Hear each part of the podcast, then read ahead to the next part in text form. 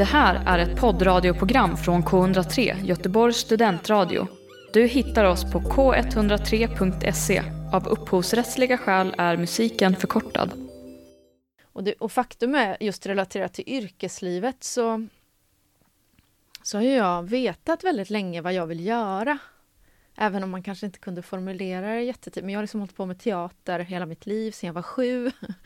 och jag på något sätt höll på Kanske med någon slags, alltså det är klart att jag inte var regissör på mellanstadiet men jag, du vet, man drog, i, man drog ihop gäng, man skrev ut något manus från något man hade hört på tv, man delade ut papper till alla och så bestämde man vad man skulle göra. Så på ett sätt har jag liksom fattat i efterhand att ja just det, men det var ju det som jag, innan jag fattade att, jag ville, att det var regissör jag ville bli, så höll jag ju på med det jättemycket.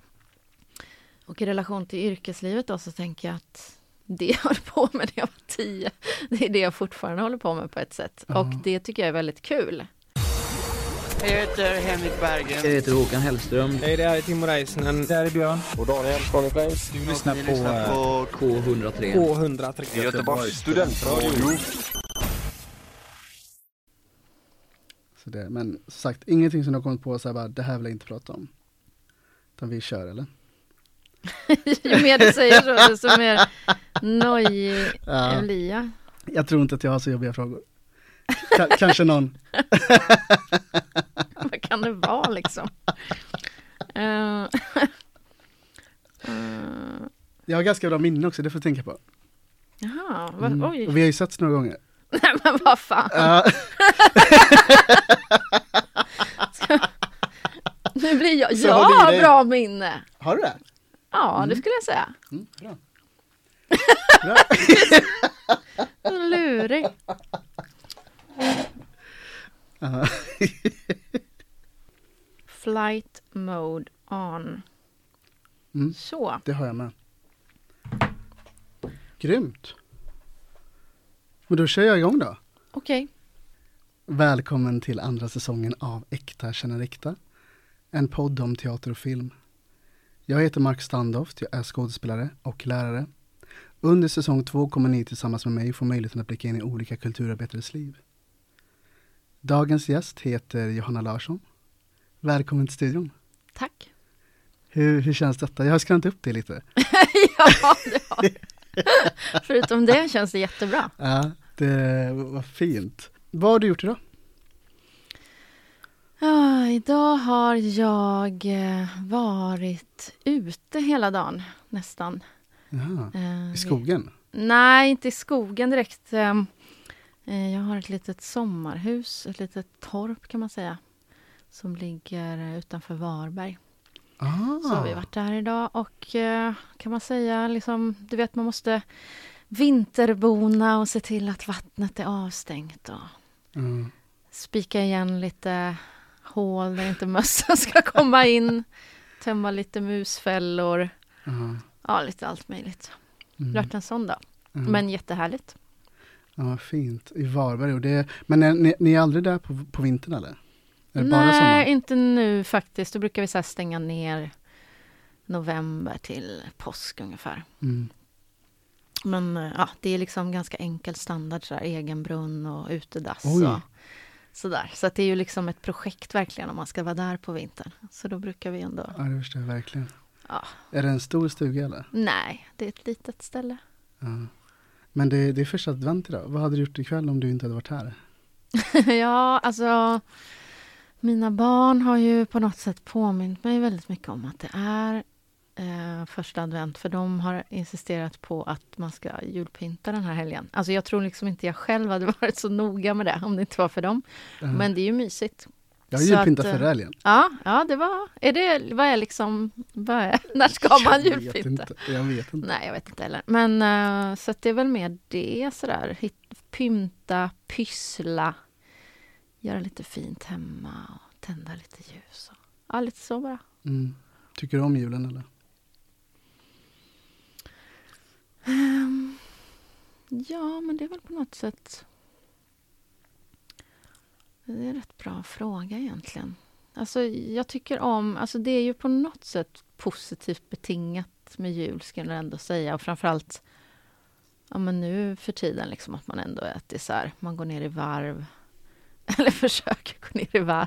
Tycker Och man går liksom- upp i varv när det blir jul. Ja det är Man blir sant. stressad. Ja just det, ja det kanske det är också. Fast jag tror för mig, ja det, det är sant. Fast jag tror också att det är liksom förknippat med att vara hemma och ta det lugnt och ja du vet en viss eh, någon slags ledighetskänsla ändå skulle jag säga att jag förknippar det med trots Mm. allt. Så att ja, nej jag ska försöka att inte gå upp så mycket i varv. Men i år lär det väl inte bli så mycket upp i varv för man kommer vara så himla mycket själv tänker jag. Så det blir inte det här stora sociala liksom bestyret på samma sätt. Ja. Tycker du om julen? Jag gjorde det när jag var liten. Mm. Ehm, inte lika stort fan nu. Jag ogillar inte julen. Det gör jag inte. Men jag är inte riktigt lika stort fan nu när jag är vuxen liksom. Ehm, min, mina föräldrar är skilda också, vet, så måste man först vara där, sen åka dit. Och, Mm. vet. Mm. Försöka spendera någorlunda samma, alltså lika lång tid på bägge ställena Mm. för att inte göra någon ledsen. Ja, just Ehm, det. Ja. så att Mina det- är också skilda, men eh, Mm. det har liksom utkristalliserat sig vissa, vad ska man säga, rutiner kring det liksom. Så att inte man behöver göra olika varje gång. Utan så, här, så här gör man ungefär då. och Så här. Men jag tänker ju äldre man blir också, desto mer hittar man ju sin egen... Man är så mycket fast i kanske. Ja, generellt liksom. En viss typ av tradition och så ska man återupprepa det. ja.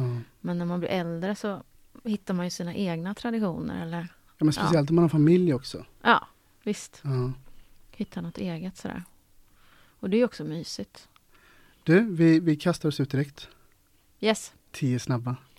okej. Har du hört något avsnitt innan? Ja, men jag har faktiskt lyssnat eh, på några avsnitt. Ja. Då är du lite förberedd. ja, fast samtidigt, det var lite olika ändå. Ah, du- okej. Vad du gjorde i de där olika ah, avsnitten. Så jag vet men eh, vi kör. Okej. K103. Fullständigt namn. Eva Johanna Larsson. Ålder. Eh, oj, Jag måste tänka efter. ja men vänta nu, jag är 38 då. Ja. Det borde jag vara. Ja. Eh, dagsform. Dagsform. Jag är en ganska trött faktiskt. Eh, men glad. Trött men glad. Har varit en hård helg. N- nej, nej, jag tror bara att jag är inne i någon sån här fas när man liksom pustar ut lite efter en... eh, Ja men nej, det har inte varit en hård helg. Nej, men jag tror också det här att man, apropå jul och så här, att man liksom att man, visserligen är jag inne i ett förberedande arbete nu på jobbet så här, så att jag ska ändå gå in i produktion väldigt snart, så på ett sätt stämmer inte det här, min känsla att jag varvar ner, för egentligen håller jag på och varvar upp, men ja, men det är ändå någonting med, med... Ja, men jag tror att man blir väldigt påverkad ändå av, av helheten runt omkring en. Liksom. Så att det är liksom där corona plus jul, tider, Mm. gör ju att tempot går ner lite sådär på något sätt. Eh, så att det är nog mer, jag tror att, och därför tror jag att det kommer en lite sån här trötthet. Mm. Eller du vet, man slappnar av lite mer kanske, Mm. istället för att behöva hålla igång. Jag fattar. Ja, det är en sån fas bara. Bästa filmgenre? Ser du mycket film? Mm, ja, alltså inte så mycket som jag skulle vilja. Jag skulle, alltså, skulle man vilja, all film man skulle vilja se hade, det ju, hade ju det tagit dygnets alla timmar. Jag, jag dessutom gillar ju att se om filmer väldigt mycket.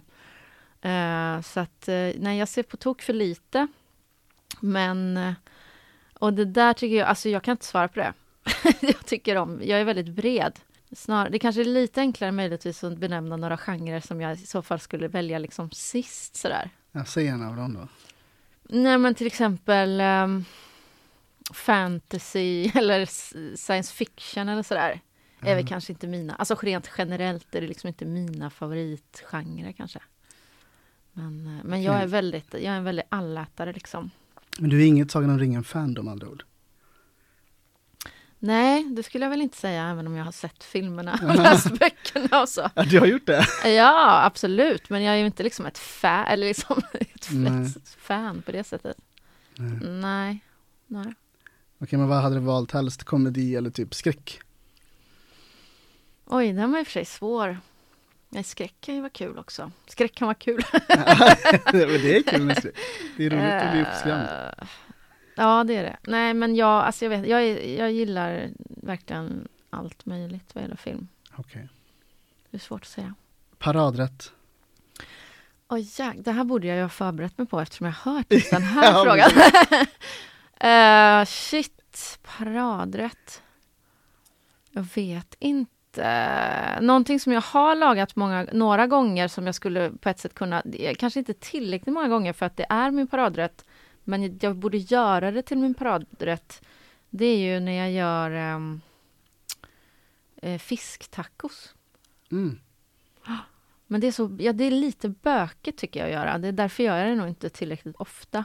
Jag kanske borde skaffa mig en frity, fritös eller vad det heter. Men... eh, Men nu till den viktiga frågan då. Vad har du i en taco? nej men det är väl en ganska enkel... Alltså det bygger ju liksom på att man har någon god... Eh, någon, någon liksom något sött, så här mangoaktigt men också Ja. chili liksom och lime. Så det är ganska enkla grejer men, men väldigt goda. Jag fick lite påhopp i helgen. Jag hade några vänner hemma hos mig nämligen. På tacofredag. Mm. Och, jag, och, och eh, när det var dags att äta så tog jag fram ketchupen. Ja, men det kan man inte ha. Men jag, har jag har ketchup i tacos. Jag älskar det. Det är så Men gott. vad gör du då för tacos? Vanlig tacos. Men vad är vanlig taco? Nej men eh, crème fraîche, vegofärs, eh, gurka, tomat, riven ost, Okej. sallad, ketchup, tacosås. Okej. ja. Ja. Jag vet Ja, inte, alltså, jag vet inte någon som är Alla, rent man får göra som man men- vill. Det är liksom absolut. Okej. ja. Okej, Ja. nästa nu. Bästa resmål? Eh, som man har varit på. Eller, Mm. ja.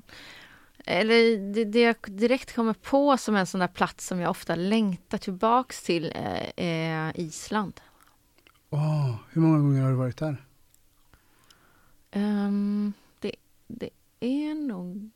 det blir konstigt att jag blir osäker nu, men det är väl en gång sådär ordentligt. Ibland mellanlandar man på Island, du vet sådär.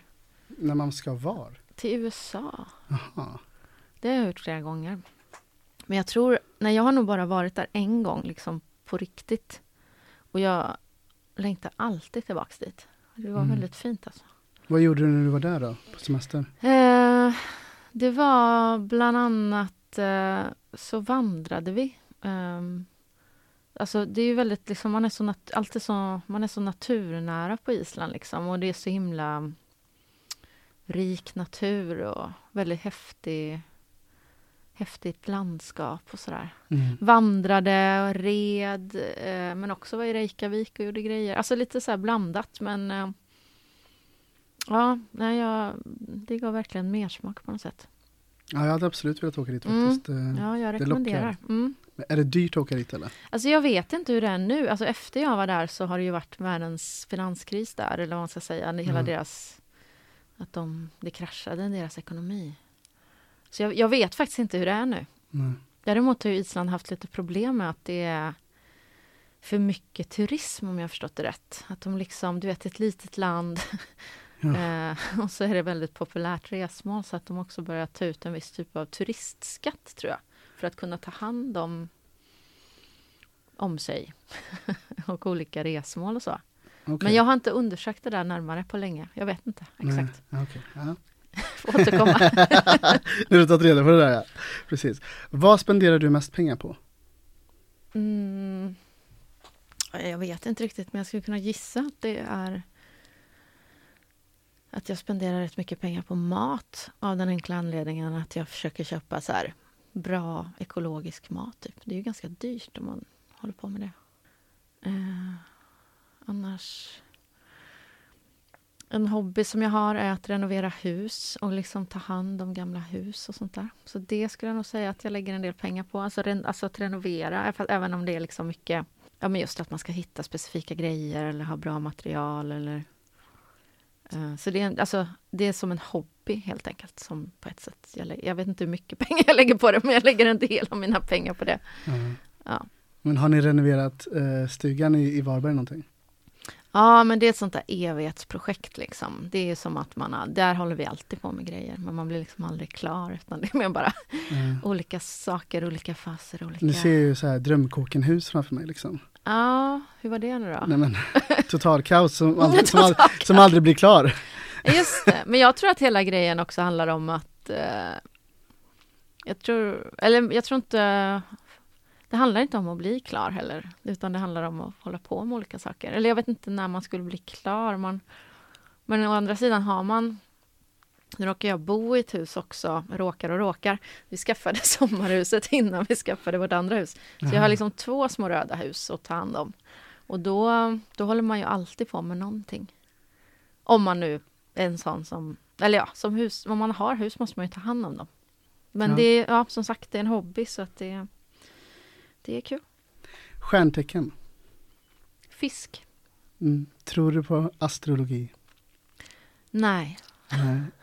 Du är ändå dunder på att fisk är det. Ja, Inget fast jag annat? är inte säker på att jag skulle kunna säga mina barns stjärntecken så snabbt faktiskt. Nej. Så jag är inte så intresserad. Ehm, nej. Men du, har du någon, är du intresserad? Mm, ja. Nej, alltså jag brukar inte läsa så här horoskop och sånt där, men jag tycker att det är lite, jag tycker att det är lite mysigt med stjärntecken ändå. Ja. Men det- jag är nog lite lättlurad också. Så här, ja, ja, men då, då, är, då är jag väl så här som du, alltså du vet så här, Ja, ja, precis. Ja. Men vad är du då? eh, jungfru, Jungfru, det är augusti, september. augusti september.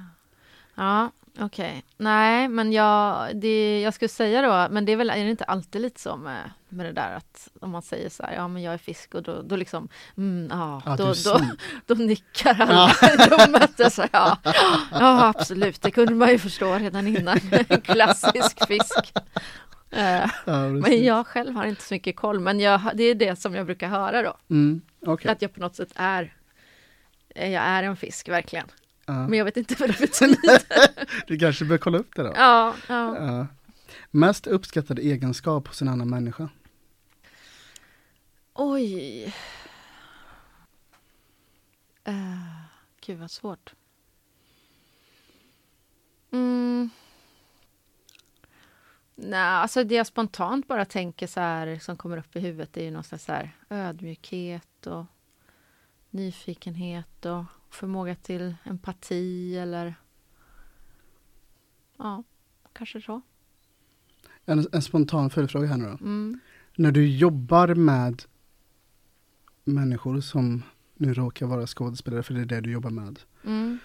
När du är regissör, eh, spelar det någon roll vad, vad de har för personliga egen- egenskaper? Du ska ändå jobba med dem i, säg åtta veckor före, före premiär. Mm. Menar du, alltså det är klart att det spelar roll, men menar du liksom i någon slags rekryteringsprocess? Men jag tänker bara, om, om, när man så här, kan du utgå från det ifall du bara, ja fast den här är ju lite så där, kanske inte ska jobba med den personen då. Förstår du vad jag menar? Ehm, ja, nej men alltså jag bruk, alltså när jag rekryterar till olika föreställningar så är ju så lägger jag mycket vikt på hur jag tänker att en människa fungerar i en grupp Mm. och hur en process ska gå till. Jag tänker inte bara kring eh, vilken talang den här personen besitter som skådespelare rent tekniskt eller på scen eller den delen som är efter premiär. Jag tänker jättemycket på gruppdynamik.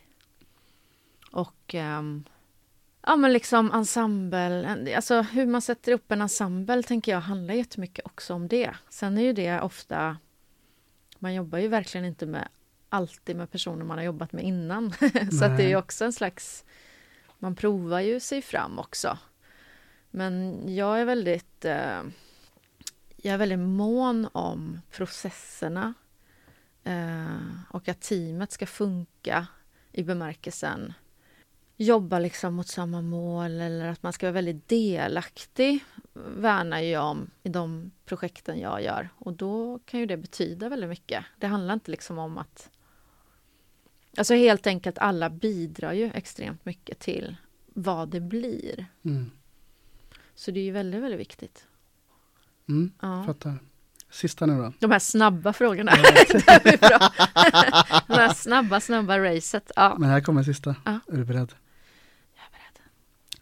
Vad hade du velat säga till ditt tioåriga jag? Oj. Ehm, jag tänkte såklart lite på, nu har inte jag tänkt så mycket på jag, att jag, skulle, jag har tänkt på det tidigare, men vi har bara bestämt så länge att vi skulle ses ju. Mm. Så jag har inte liksom tänkt så mycket, men, men häromdagen när jag lyssnade på ett avsnitt eh, och så tänkte jag så här, apropå yrkesliv då, som jag tänker ändå är lite mer apropå varför jag sitter här, eh, som har med det att göra. Så gick jag tillbaka här och tänkte lite. Och, det, och faktum är, just relaterat till yrkeslivet, så, så har jag vetat väldigt länge vad jag vill göra. Även om man kanske inte kunde formulera det jättetydligt. Men jag har liksom hållit på med teater hela mitt liv, sedan jag var sju. Och jag på något sätt höll på, kanske med någon slags... Alltså, det är klart att jag inte var regissör på mellanstadiet, men jag, du vet, man drog, i, man drog ihop gäng. Man skrev ut något manus från något man hade hört på tv, man delade ut papper till alla och så bestämde man vad man skulle göra. Så på ett sätt har jag liksom fattat i efterhand att Ja just det, men det var ju det som jag, innan jag fattade att, jag ville, att det var regissör jag ville bli, så höll jag ju på med det jättemycket. Och i relation till yrkeslivet då så tänker jag att det jag höll på med när jag var tio, det är det jag fortfarande håller på med på ett sätt. Ja. Och det tycker jag är väldigt kul. Så att på ett sätt så, så är vi liksom, nej men kör på liksom. det var väl det man skulle säga, det kommer bli bra. Ja. Kör på. Mm. Följ drömmen eller liksom, det kommer... Jag tänker att, att det är det, eller på något sätt som jag också tänker är när man själv har egna barn sådär, vad man, alltså just det där, följa sitt hjärta är väl någonting som är fint när man gör eller förmår eller om man nu har någon form av passion eller liksom idé om vad man vill göra om dagarna för att må bra. Liksom. Ehm, så kör, hade jag sagt då. Vad fint. Hur kändes det att göra de här? Nej men, det känns okej. känns okej. Ja. Var det svårt tyckte du? Ja, det är lite svårt. Men eh, okej, men jag, jag har gjort en sammanfattning om dig. Ja. Mm. Eh, Men Johanna, du, du är regissör. Mm. Mm. Du har regisserat föreställningar på Regionteater Väst, Masthugsteatern och Backa teater. Eh, föreställningar som du har satt upp på Backa teater är 4018 dagar. Nu, nu, nu är det mycket siffror här. 2556 dagar, 5114 dagar. Och som att bestiga Mount Everest på 10 minuter. Eh, nu är du konstnärlig ledare på Angered teater. Där har du regisserat i en särskilt utsatt situation. Eh, senaste föreställningen var Våra viktigaste vuxna. Förutom allt det här nu då, vad, vad har jag missat? Eh, nej men ja, jättemycket såklart. Ja. Eller det beror på vad man vill fokusera på. Mm. Men jag har ju frilansat som regissör väldigt länge. Så att jag har ju varit på väldigt många teatrar och eh, ja, hållit på helt enkelt. På flera håll. Jag har drivit en frigrupp här i stan under flera år tillsammans med många andra. Som Mm. heter Play Teaterkonst Okej, till exempel. var höll ni till då? Vi hade ingen egen lokal utan vi var liksom runt på olika ställen eh, och spelade eh, intensivt under några år. Framför allt, ja det var väl i och för sig 13 som vi gjorde vår senaste produktion. Säger jag rätt nu? Nej det kan jag inte göra. Eh, jag kommer inte ihåg nu på rak arm vilket år vi gjorde vår se- se- senaste. Mm. Men är, det- är 15 det, kanske. okej. Ja, men, ja. Nej, det var bara, det var en, ja, nej, en, en del av mitt liksom yrkesliv, tänker jag, eller som har format det jag jobbar med. Eh, nej, men herregud, det, det, allt du sa stämmer. Ja. Men för de som lyssnar nu då, och de som Ja. inte vet vad en frigrupp eh, innebär, Ja. hur förklarar man det? Eh, nej, men man kan väl förklara så här att man antingen, det är som man, om man ska hårdra det så finns det liksom två två former. Man brukar liksom fri grupp eller institutionsteater. Och om du är en fri grupp så, um, så är du just fri i bemärkelsen att du har en liksom, du skapar din egen organisation som ofta är en förening i botten och sen så liksom söker du pengar från, eller din grupp söker pengar från kommunen, regionen, staten som finansierar verksamheten. Eh, och du kan få liksom projektbidrag eller verksamhetsbidrag och du, har liksom, du får pengar till ditt projekt. Eh, om du är en institutionsteater, som till exempel Stadsteatern är, eller Folkteatern, eh, för att ta några exempel, då har du liksom ett uppdrag.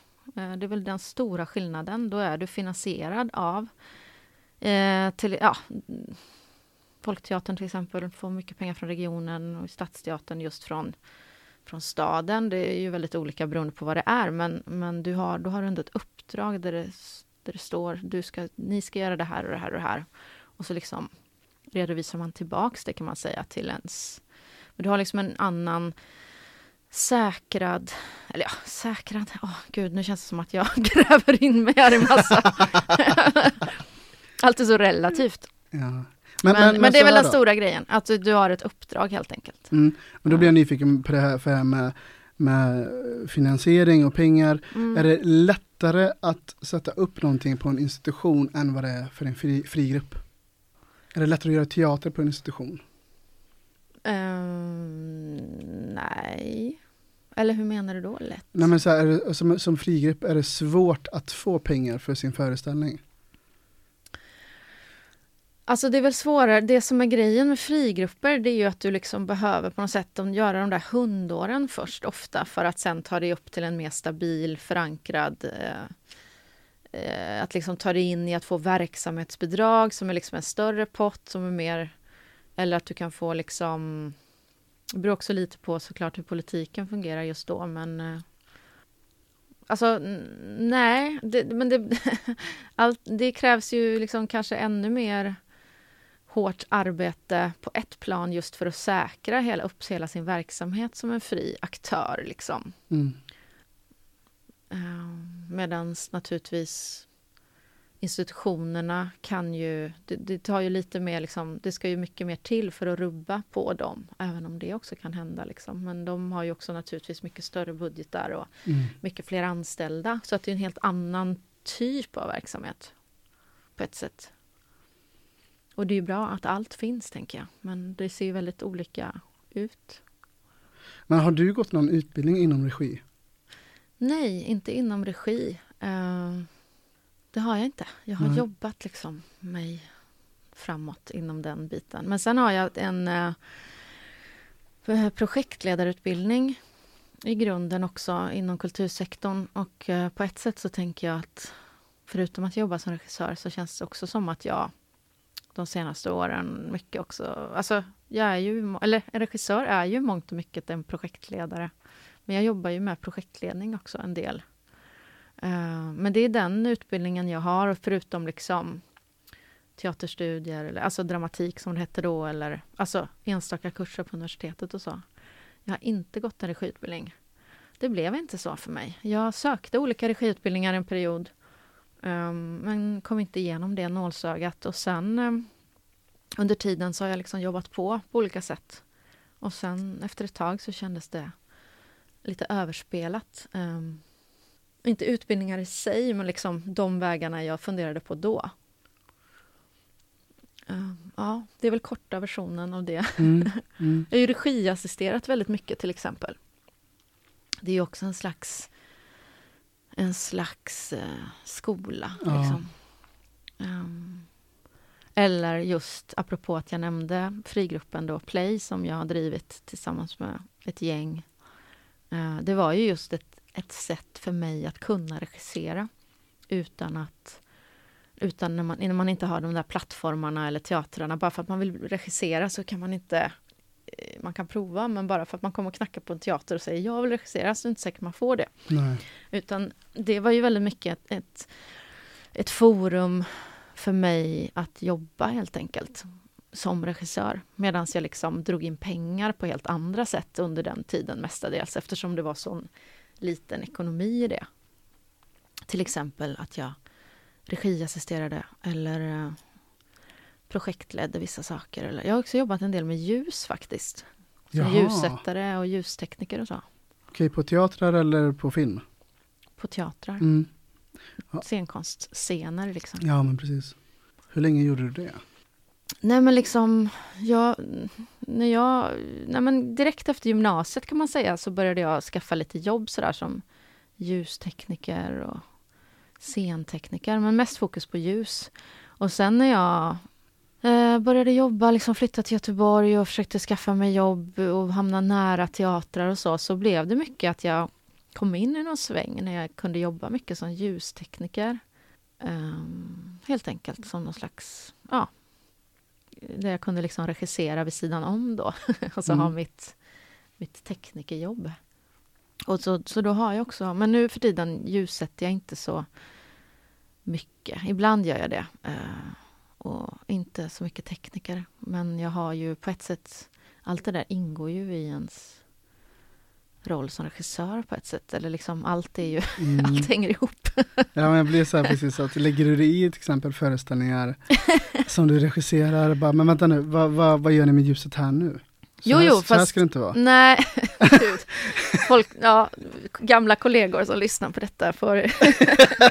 ja, ja, det är så jag brukar säga nu för tiden, så här, om jag inte ljussätter själv, vilket händer. Jag ljussatte till exempel eh, tillsammans med en kollega så senast som i höstas, så det är inte som att jag inte Ah. gör det. Men grejen är att ibland så tänker jag så här, det är bättre att jag är en regissör som lägger mig i ljussättningen en hel del, än att jag också ska jobba som ljussättare. För att det, det är ändå väldigt många, alla de bitarna är ju väldigt stora. Och när man är inne liksom i en, ett konstnärligt arbete så är det ganska skönt att också för att det kommer in andra konstnärer och andra konstnärliga röster som lägger sin liksom eh, kommer in med sin idé. Mm. Men däremot är det ju väldigt bra, tänker jag och tror jag andra tycker också. Jag menar, jag, jag kan ju, jag vet ju jag vet ju, jag kan mycket om ljus, så då kan man liksom prata på ett sätt eh, som säkert, tänker jag, är bra, bättre än om man inte kan någonting eller att man kan, ja, man kan bli väldigt konkret eller eh, eller att jag kan, eller som jag säger på min arbetsplats nu ibland, om det är någon nu som är coronatider så här, så vet jag, jo men om, om Ragge som jobbar med ljus i Angered, om han skulle bli sjuk någon dag och inte komma till jobbet, så vet ju jag att jag kan hoppa in och, och köra ljus på en sekund, liksom, utan att det behöver vara Mm. någon big deal sådär. Eh, Men hittills har jag inte behövt hoppa in, men, men det kan ju vara en sån här bra grej till exempel. Det blir så här nu, nästa föreställning som jag ser som du har regisserat, kommer jag nog sitta där kommer jag tänka, hmm, undrar om hon har pillat något med ljuset här. Men är det inte, eller ja, jag tänker som regissör, det, det ligger lite i ens, i ens eh, arbetsbeskrivning att eh, man pillar lite överallt liksom, Mm. tänker jag. Ja. Det är liksom det som är en del av jobbet. Du lyssnar just nu på en radiostation som är del av SRS, studentradion i Sverige. Men du, Mm. var är du uppvuxen någonstans? Jag är uppvuxen i Karlstad i Värmland. Okej. Hur länge bodde du där? Eh, jag bodde där, eh, alltså till och med gymnasiet. Till och med, alltså, Alltså- du gick inte på gymnasiet i Värmland? Jo, jo till ja, och med. Alltså jag gick på gymnasiet i Karlstad. Ja, Okej. Mm. Och sen så drog du efter gymnasiet eller? Ja, exakt. Var det en lättnad? Att flytta från Karlstad? Alltså jag vet inte om jag tänkte på det så då riktigt. Det var väl, jag, jag tror alltid att jag tänkte att, eh, att jag kommer inte bo här sen. Mm. Eh, så kändes det nog alltid. Men det var nog också för att just för att jag visste att jag ville hålla på med teater och, och även regi liksom. Att jag, jag visste det redan på gymnasiet. Det är faktiskt en ganska rolig grej att jag egentligen ville jag ville egentligen på gymnasiet gå en teaterlinje. Ehm, men det, på den tiden fanns det, jag vet inte i och för sig, nu känns det som att all, alla sådana estetiska linjer är borta. Jag vet inte om det är sant, det är min känsla, att man liksom drar ner, men jag ville gå teaterestet. Och då var det en, min kompis från vår liksom teatergrupp i Karlstad. Hon var ett år äldre än mig- och hon hade flyttat till Göteborg och gick på en teaterlinje på Angereds gymnasiet. Ah, Och eh, Och det var ju någonting som jag, dels för att jag såg upp till henne väldigt mycket, men också för att hon kunde liksom bana vägen där och liksom berätta om det här för mig. Så jag var ju verkligen så till mina föräldrar, liksom, jag ska flytta till Göteborg och gå på teatergymnasiet i Angered. Um, men det fick jag inte. Och jag var jättearg på dem. Och um, de ville inte att jag skulle flytta hemifrån. Men då fanns det en uh, liksom lite anrik musiklinje i Karlstad som fortfarande finns, som liksom är en sån som har funnits jättelänge. Och, som är, och då tänkte jag, okej, okay, om jag inte ska gå teaterestet, då får det bli musik då. Mm. Och som tur var kom jag in på den. Så då gick jag tre år där. Och det var jättebra för mig på massa sätt och det var ju liksom jättebra linje och så. Men det var också lite plågsamt för att jag på något sätt fattade ännu mer när jag väl gick där att liksom musik är liksom inte min det är inte min huvudprofession på något sätt. Och det kanske jag på något sätt tänkte lite mer, eller i alla fall då, eller behövde tänka för att det var en sån super ändå drillad skola i att man, den är liksom så här nästan, du ska komma in på musikhögskolan liksom direkt efter, det är typ det som är målet lite sådär. Ja men ändå väldigt så hög nivå och samtidigt så går jag där och fattar att, och jag höll ju på med teater redan då men men också lite så plågsamt att liksom under, under tiden så här, gud jag vill inte stå här längst fram på scen och göra de här grejerna utan jag vill göra annat. Så alla liksom alla, alla tillfällen som gavs när man gjorde egna projekt och egna liksom egna val sådär på olika sätt så gjorde jag liksom alltid teatergrejer kan man säga. Och det var ju grymt för det fanns ju massa resurser och massa lokaler och massa liksom scener och man kunde liksom, jag kunde, jag gjorde massa saker musikaliskt och så också och men jag, men jag liksom drev det hela tiden mot teater. Uh, och sen har jag ju naturligtvis, det är ju inga, det är ju inte bortkastade år så. Jag menar att, att vara regissör handlar ju väldigt mycket om, tänker jag, musikalitet och, och så. Så Mm. jag, har, jag jobbar ju med musik ändå, hela tiden. Men okej, är du ingen sångfågel? Är det det du säger? Nej, precis. Kan du fast, sjunga? fast sång var mitt huvudinstrument. Kan då. du sjunga? Nah. Ah, nej, det är inte min grej. Mm. K103 är världens bästa radio. Du, vi ska göra ett jättehopp här nu. Aha. Mm. Från Karlstad, från eh, Drömmarna fr- till eh, Angereds gymnasium så hoppar vi till Angereds teater Ja. hösten 2019. Ja. När du regisserade i en särskilt utsatt situation. Jag var och såg denna. Mm. Ehm, hade läst lite om vad den handlar om innan såklart. Mm. Ja, jag, jag vet inte riktigt vad jag ska säga men, men det, det, var, det var en sån stark eh, föreställning. Eh, och jag märkte det i, i publiken också att det var väldigt, väldigt många som blev berörda av den. Mm. Vad kan du säga om det här projektet? Eh, ja, det var ju ett, ehm, det var ett projekt som jag jobbade med väldigt länge. Eh, under väldigt många år faktiskt. Innan jag började i Angered så, så flera år innan så blev jag kontaktad av en advokat som visste att jag jobbade med scenkonst och ofta liksom dokumentärt.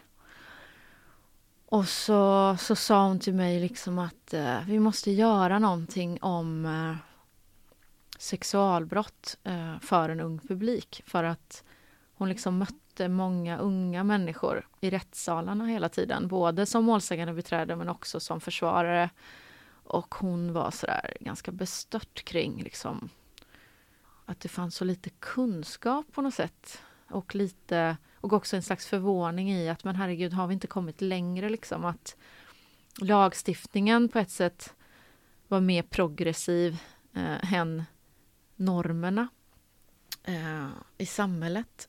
Och då satte hon mig i kontakt och just då när hon kontaktade mig så eh, var hon målsägandebiträde åt en ung tjej i ett just våldtäktsmål här i Göteborg då.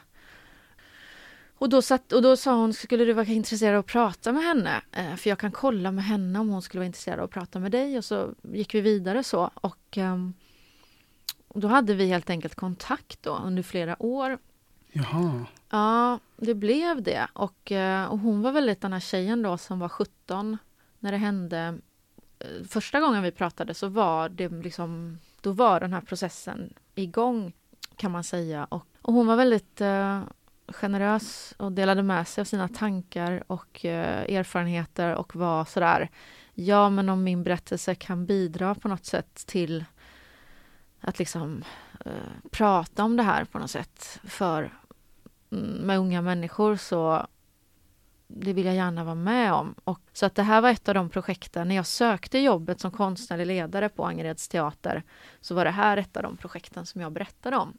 Att jag höll på att jobba med, men jag hade liksom ingen då var det inte så formulerat och jag hade liksom ingen scen eller någonstans så jag hade jobbat med mycket annat. Men jag hade liksom, det puttrade på vid sidan om.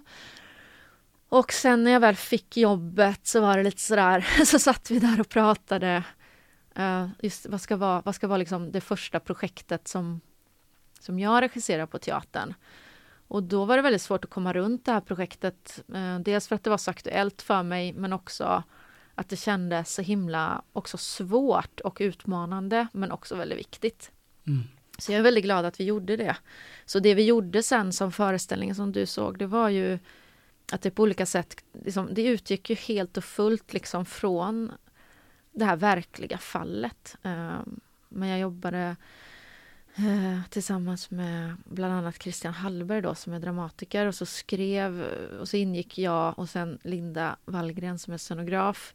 Vi liksom hade någon slags eh, redaktionsarbete kring liksom fallet och tankar kring uppsättningen och så.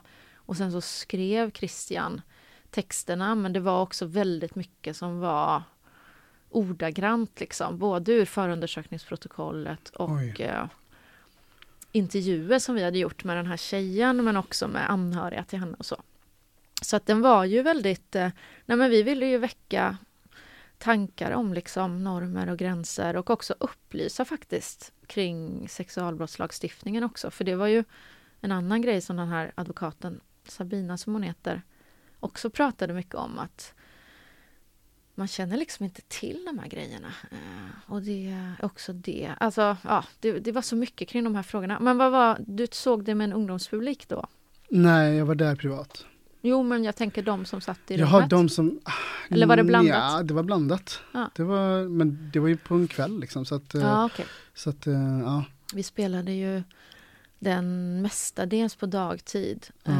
för från liksom 14 år och upp. Så det var liksom 8, 9 och så hela gymnasiet. Mm. Uh, och jag tror vi hade kunnat spela den hur länge som helst för att det var sådär, det tog aldrig slut. Det var också därför vi gjorde en podd av den för att uh, det var liksom på ett sätt sorgligt att sluta spela när man märkte att uh, den var, behövdes så mycket. Mm, och, att, och att skolorna också såg det som ett bra, liksom, det låter så tråkigt på ett sätt att prata om konst på det sättet men jag tänker ändå att det spelar ingen roll just att det var, blev som en så här kanal då. Mm.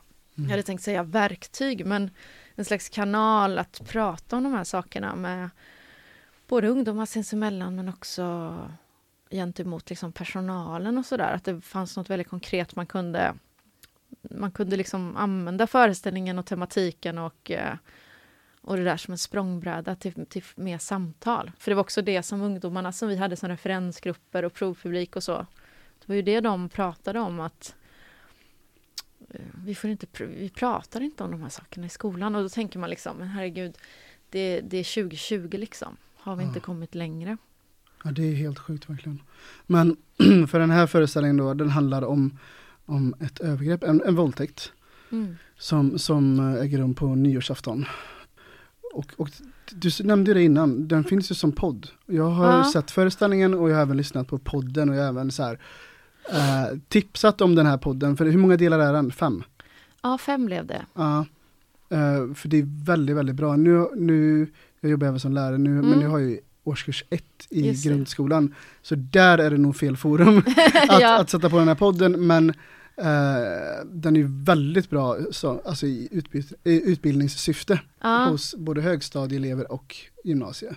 Ja, vad bra att du säger det. Det, det var ju mycket, ja men det var det vi kände också och att det därför blev bra att vi ändå kunde eh, producera den varianten och också att vi har verkligen så här lagt ut den så att man just så här använd det här. Ja. Liksom. Ni får, använd det här i er undervisning. Lyssna på de här grejerna, prata om de här sakerna. Ehm, ja, det är jättebra. Vad, vad, för de som lyssnar nu, vart, vart kan man höra den här? Vad söker man på? eh, då söker man på Angereds teaterpodd. Ja, eh, överallt där poddar finns då. exakt. Och eh, man kan även läsa på vår hemsida. Där finns också poddavsnitten men också en lärarhandledning som man kan ta del av. Där det liksom finns olika, som ett slags fördjupningsmaterial där man också kan som pedagog få en slags ingång till frågeställningarna och, och också lite förslag på hur man kan jobba med de här frågorna i skolan innan och efter. Mm. Men, eh, men Angereds teaterpodd, eh, då hittar man eh, avsnitten och föreställningen heter då I en särskilt utsatt situation. Den tycker jag verkligen alla ska ta sig tid att lyssna på för att den är viktig och den är eh, tyvärr alltid aktuell. Mm. Vi ska gå vidare här nu. Mm. Nu ler jag här, för det ser inte lyssnarna. Men det, Är det nu du ska här sätta, kommer, sätta här mig på kommer en ro, prov? rolig fråga här. När vi sågs senast, Ja, mm, minns du när detta var? när vi såg senast. Ja men när vi spenderade tid senast då. Ja, det var väl när vi satt i juryn, eller Mm. är det det du menar? Ja, precis. Då berättade du att du på ditt kontor, jag uppfattade att det var på kontoret, Aha. hade massa bilder uppsatta på skådespelare. Som, som, som du så här, men de här liksom har jag koll på just nu. Ja. Uh, mitt minne sviker mig inte eller? För det stämmer. Nu ska vi se. Ja, precis. Då hade vi fortfarande kontor på andra stället och då hade jag absolut hade jag en någon slags anslagstavla där. Också för att jag var inne i någon sån liksom rekrytering av ganska mycket eller till många produktioner tror jag. Så Mm. då hade jag en sån här ja, ja, skyldig. Jag Ja, satte upp folk bra. på en vägg. Men, för vi, var- vi var inne på lite på detta innan. Mm. Men så här, för, för det jag undrar är så här, vad, vad, vad går du igång på liksom? Vad, vad, vad är det du söker efter och kollar efter när du, när du väljer skådespelare till dina föreställningar? Du, du nämnde in, lite innan att det handlar om gruppdynamik och, och sådär, men kan du utveckla på något sätt?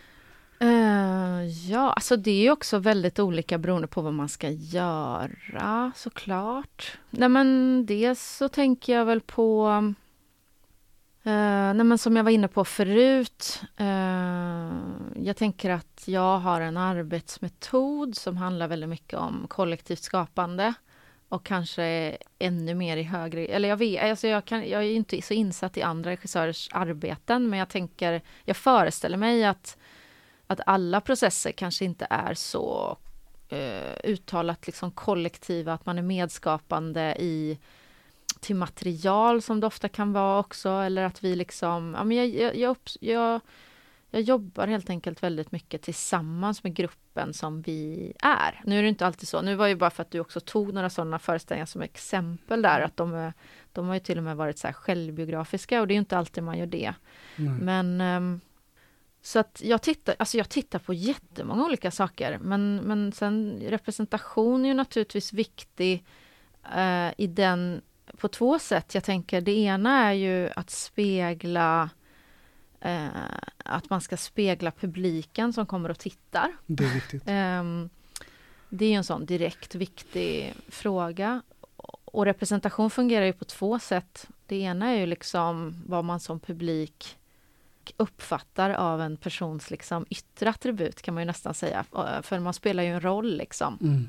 Eller ibland kanske sig själv men ofta en eller flera roller. Och så då är det också viktigt att man har speglar liksom den publiken man träffar och vi sp- spelar ju Ja, om man tar Angered som exempel så, så spelar vi ju för eh, ofta våra föreställningar på dagtid eh, där det finns liksom en, en målgrupp som är från skolan, även om vi spelar offentliga föreställningar och för allmänheten också, så är det ofta liksom personer som helt enkelt går på en skola och som kommer dit dagtid utan att de själva har valt det, men liksom. Eh, det är bara viktigt att spegla den publiken som man träffar. Och sen, men sen kan ju representation också handla om om jag jobbar med ett tema till exempel eller en föreställning som då kan det ju också, det finns ju en annan form av representation där man också söker mångfald, tänker jag, som mer handlar om en slags erfarenhet man har. Och det är ju alltid lite lurigt, för det kan man ju inte alltid veta heller. Det kan ju också vara... Men, men jag försöker nog ofta, när jag, när jag rekryterar människor, så försöker jag nog både tänka att det handlar om någonting jag, eller att jag behöver liksom se, det kan ju vara olika, det behöver inte alltid vara en skådespelare, det kan ju vara andra konstnärliga funktioner i team till exempel. Dels är ju en faktor det man ser, alltså vad de liksom vad de har gjort tidigare liksom konstnärligt inom sitt specifika yrkes, eh, i sin yrkesroll. Och sen försöker jag liksom alltid, eller det ska jag säga att jag alltid gör, att jag alltid träffar personer och har liksom samtal kring hur jag tänker mig att vi ska jobba och också att man försöker lära känna varandra lite.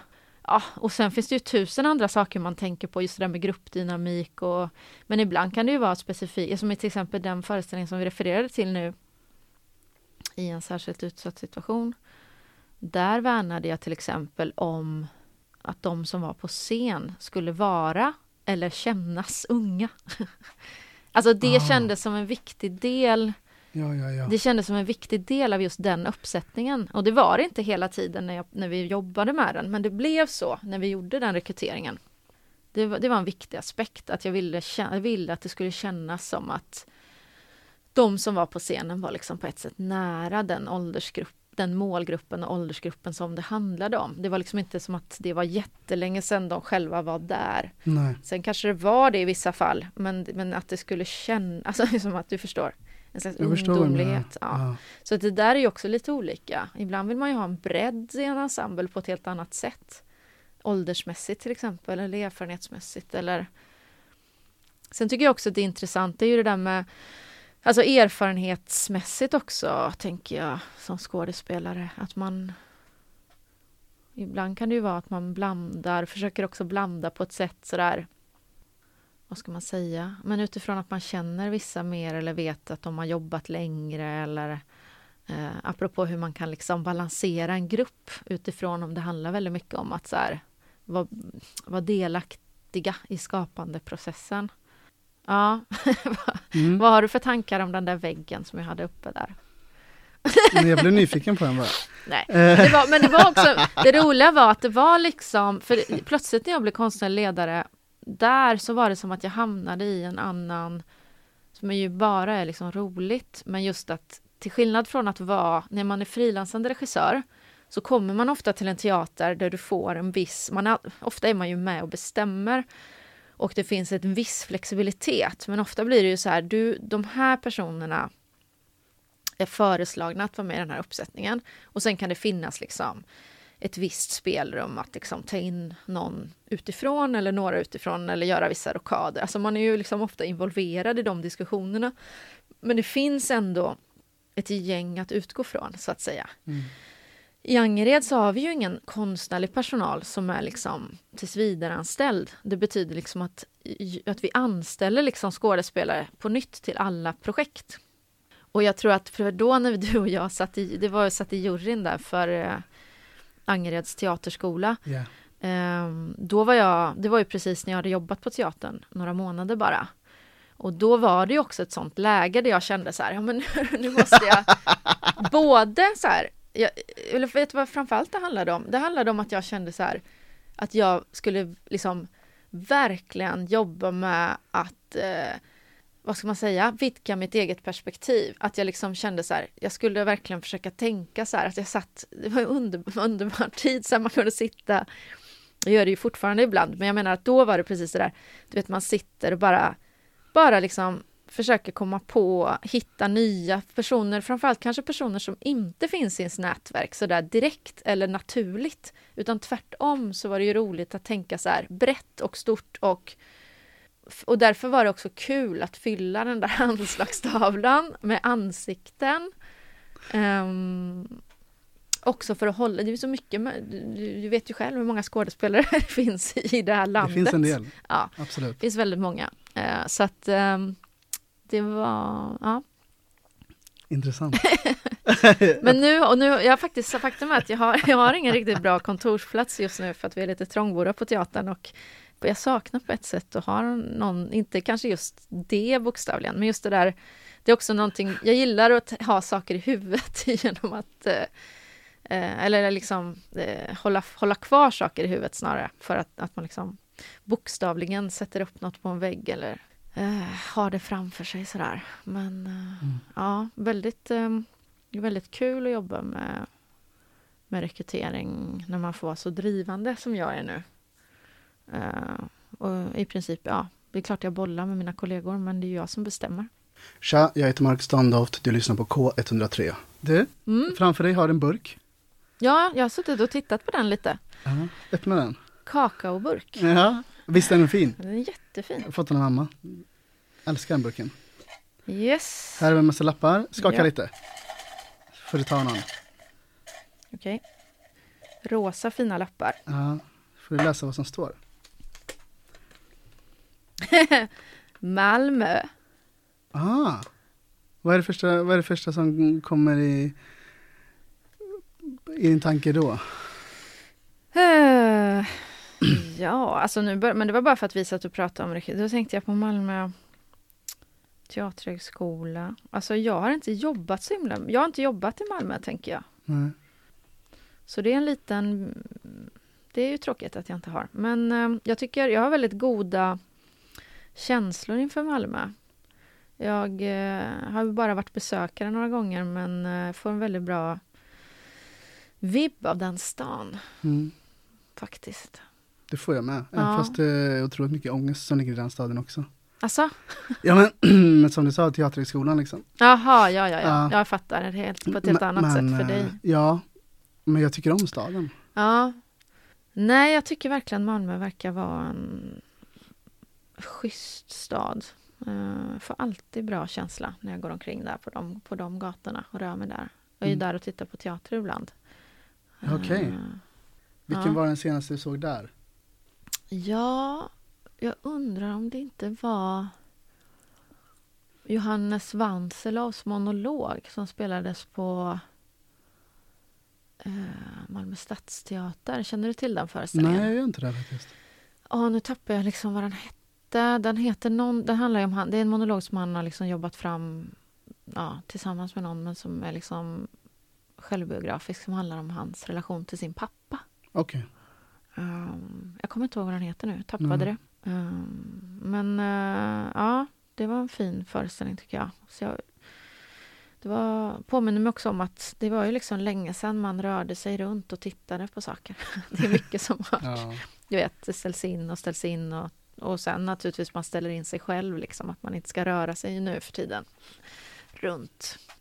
ja, så är det. Du, här kommer en fråga från Mm. en tidigare gäst. Mm. Det var den första frågan som dök upp i mitt huvud, så att jag ställer den, det är lika bra. Mm. Vad är du mest rädd för? Ja, du Johanna. Oj, vad är jag mest rädd för? Ja... Alltså, någon slags standardsvar på den frågan tidigare i mitt liv har väl varit döden helt enkelt på den frågan. Men eh, det känns som att min dödsångest ehm, är lite...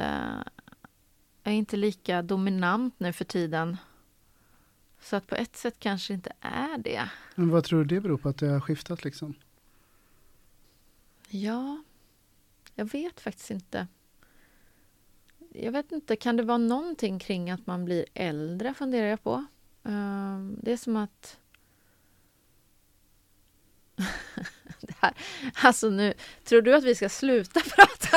Att det här är så här avrundningstid Det, det, det är ju det. Det är, det. det är snart slut. Det är som att jag... Alltså nu vet jag inte riktigt vad jag säger här, men eh, det är som att någonting senaste tiden har fått mig att bli ännu mer så här krass. Alltså som att jag kan zooma ut mycket mer. Det blir ju så här också, tänker jag, pandemitider när man pratar med någon om det häromdagen, det här med att man, när man får perspektiv och man zoomar ut och, och då tänker jag, det är någonting då med liksom att mänskligheten är så futtig och, och, den här, och jordens liksom historia Och människans historia på jorden är så kort. Och den är, det är en sån parentes liksom i helheten. Och det på något sätt kan ge mig ett lugn. Alltså klimatångest och dödsångest, det är som att det slår över lite grann och så blir jag lugn. Det är jättekonstigt, jag kan inte förklara riktigt. Nej. Det är som att... eh, och på ett sätt är det lite tråkigt för att ibland kan jag känna så här, ja, det, det kommer inte bli bättre. Mänskligheten kommer radera ut sig själv och det är det som måste hända. Och ja, ja, vad gör allt då? Eller liksom, jag vet inte. Det är som att jag blir mindre fokuserad kring mig själv kanske och därför så försvinner min ångest bort liksom lite i någon slags... Att det är för stort. Och jag vet inte riktigt vad det beror på och jag vet inte riktigt vad jag tycker om det heller. Mer än att det är lite skönt kanske just nu. Det kanske är en överlevnadsinstinkt lite grann. Eftersom, det in, eftersom ångest är ju ingen bra drivkraft riktigt. Ja, Mm. Intressant. det var liksom där mina tankar hamnade. Ja. Vad man är mest rädd för. Fast det var ju liksom som ett icke-svar. Men, Men det var en intressant reflektion ändå tycker jag. ehm, ja. Mm. Har du tänkt ut någon fråga till poddens nästa gäst? Eh, ja, det har jag. Ehm, eller det är som en tvådelad fråga. Det är väl också en fråga som upptar mig mycket nu, så då tänkte jag bara bolla den vidare. Kör. Och det är...